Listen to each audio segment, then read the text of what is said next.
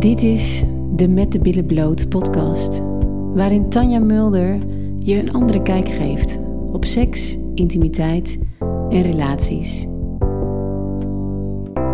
If you only knew how many people out there like you, you're not the only one who wants a change, who feels there is another way. It's okay, it's okay to stop thinking start feeling your flame. Waarom doe ik wat ik doe? Ik ben 18 jaar geleden begonnen les erotische massage te geven.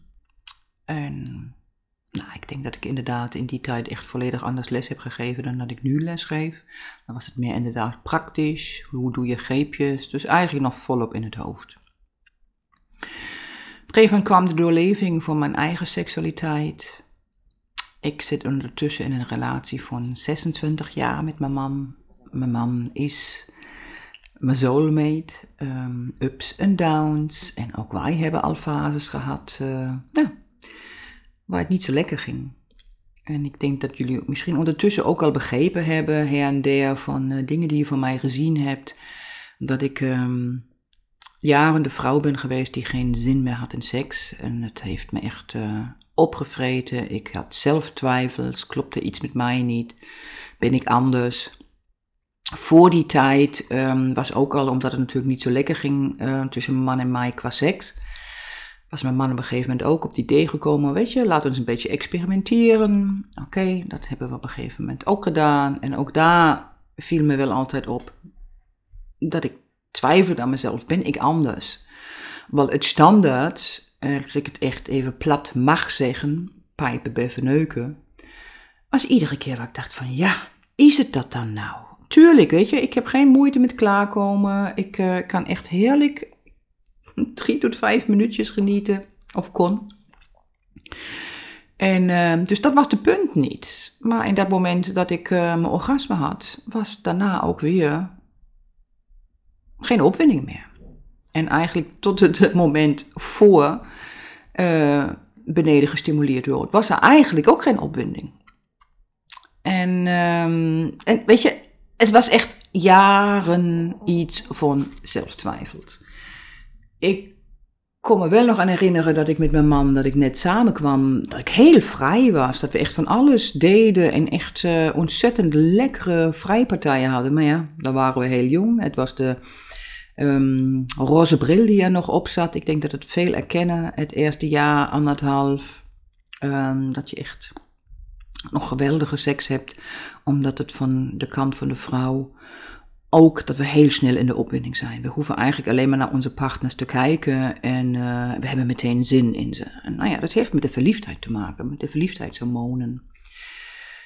En, uh, maar ja, door de ontwikkeling van mijn eigen seksualiteit en, en steeds, nou ja, dingen weer achterkomen, kwam ik op een gegeven moment achter dat het dus twee manieren van seksbeleving zijn. En die ene is dus het orgasmegerichte, het snelle, pijpen, beffen, neuken. En, uh, en, en, dat gaat vanuit lust en geil. En dat is eigenlijk ook meteen het doel hiervan. En nou, daar paste ik dus niet in. Dat was dus schijnbaar, zoals ik het nu zie, um, niet mijn hoofd uh, uh, seksbeleving. Dus niet nummer één seksbeleving die voor mij nou, weg was gelegd, laat het maar zo zeggen.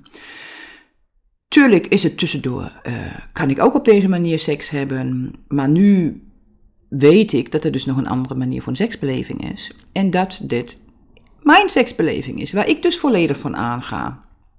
En ook veel sneller van opgewonden raak dan dat pure lust en direct het, uh, uh, het porno of nou ja, vanuit geilheid eigenlijk. Dat, ja, dat is iets waar ik dus niet direct aanga. En dan komen we weer op die manier van seks.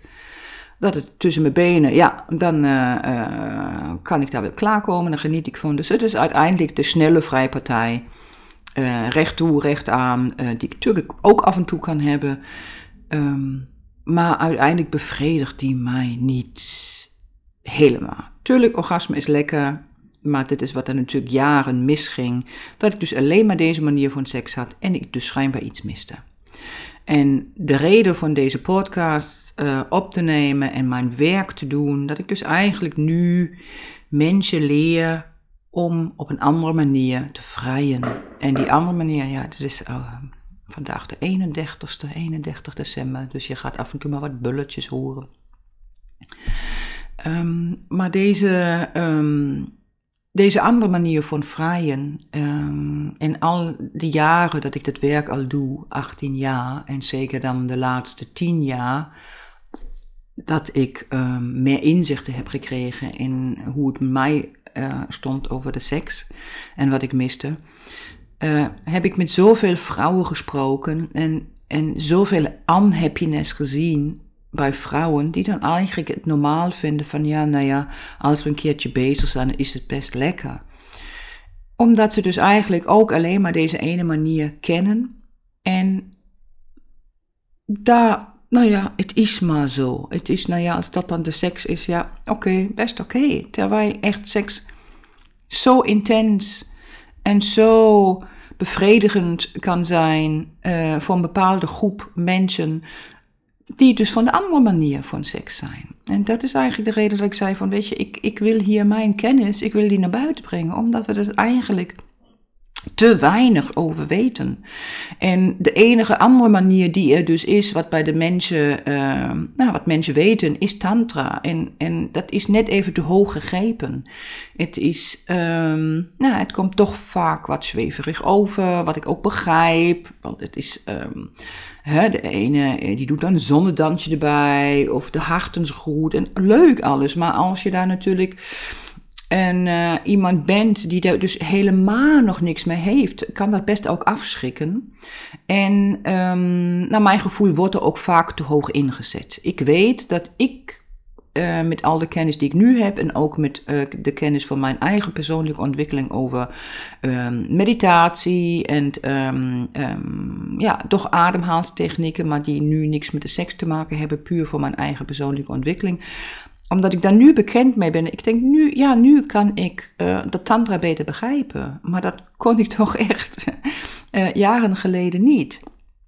En, uh, en nou, daar gaat mijn missie over. Daar gaat mijn werk over.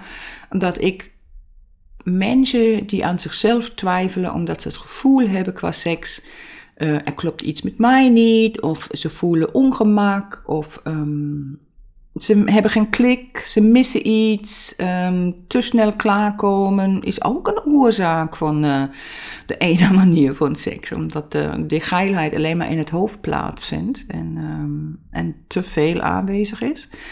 Ik ga daar nog een keertje een podcast over maken. En um, nou ja, eh, pijn tijdens vrije, nou, te veel in het hoofd vaak. Het is vaak niet fysiek, het is vaak mentaal te veel in het hoofd zijn, niet voldoende opgewonden zijn, um, moeilijk klaarkomen, geen zin, geen klik. Nou, en dat is toch vaak een oorzaak. Um, nou, de kans is groot dat het hiermee te maken heeft van wat ik net alles heb uitgelegd. En uh, zoals ik al zei, uh, was ik jarende vrouw en ik kon op internet niks vinden wat mij liet zien dat er misschien nog een andere manier van is. Waardoor ik uh, misschien sneller had kunnen stoppen om aan mezelf te twijfelen. Dus dat is eigenlijk de reden waarom ik doe wat ik doe. Om um, mensen hoop te geven, om mensen te laten weten dat er nog iets anders is en uh, hoe je daar kan komen. Bewustwording, wat de blokkades zijn. En uh, dus dat. Dankjewel voor het luisteren. En ken je mensen die baat hebben bij deze podcast? Deel deze dan met hen. Zo maken we de wereld samen een stukje mooier. En wil je meer van dit?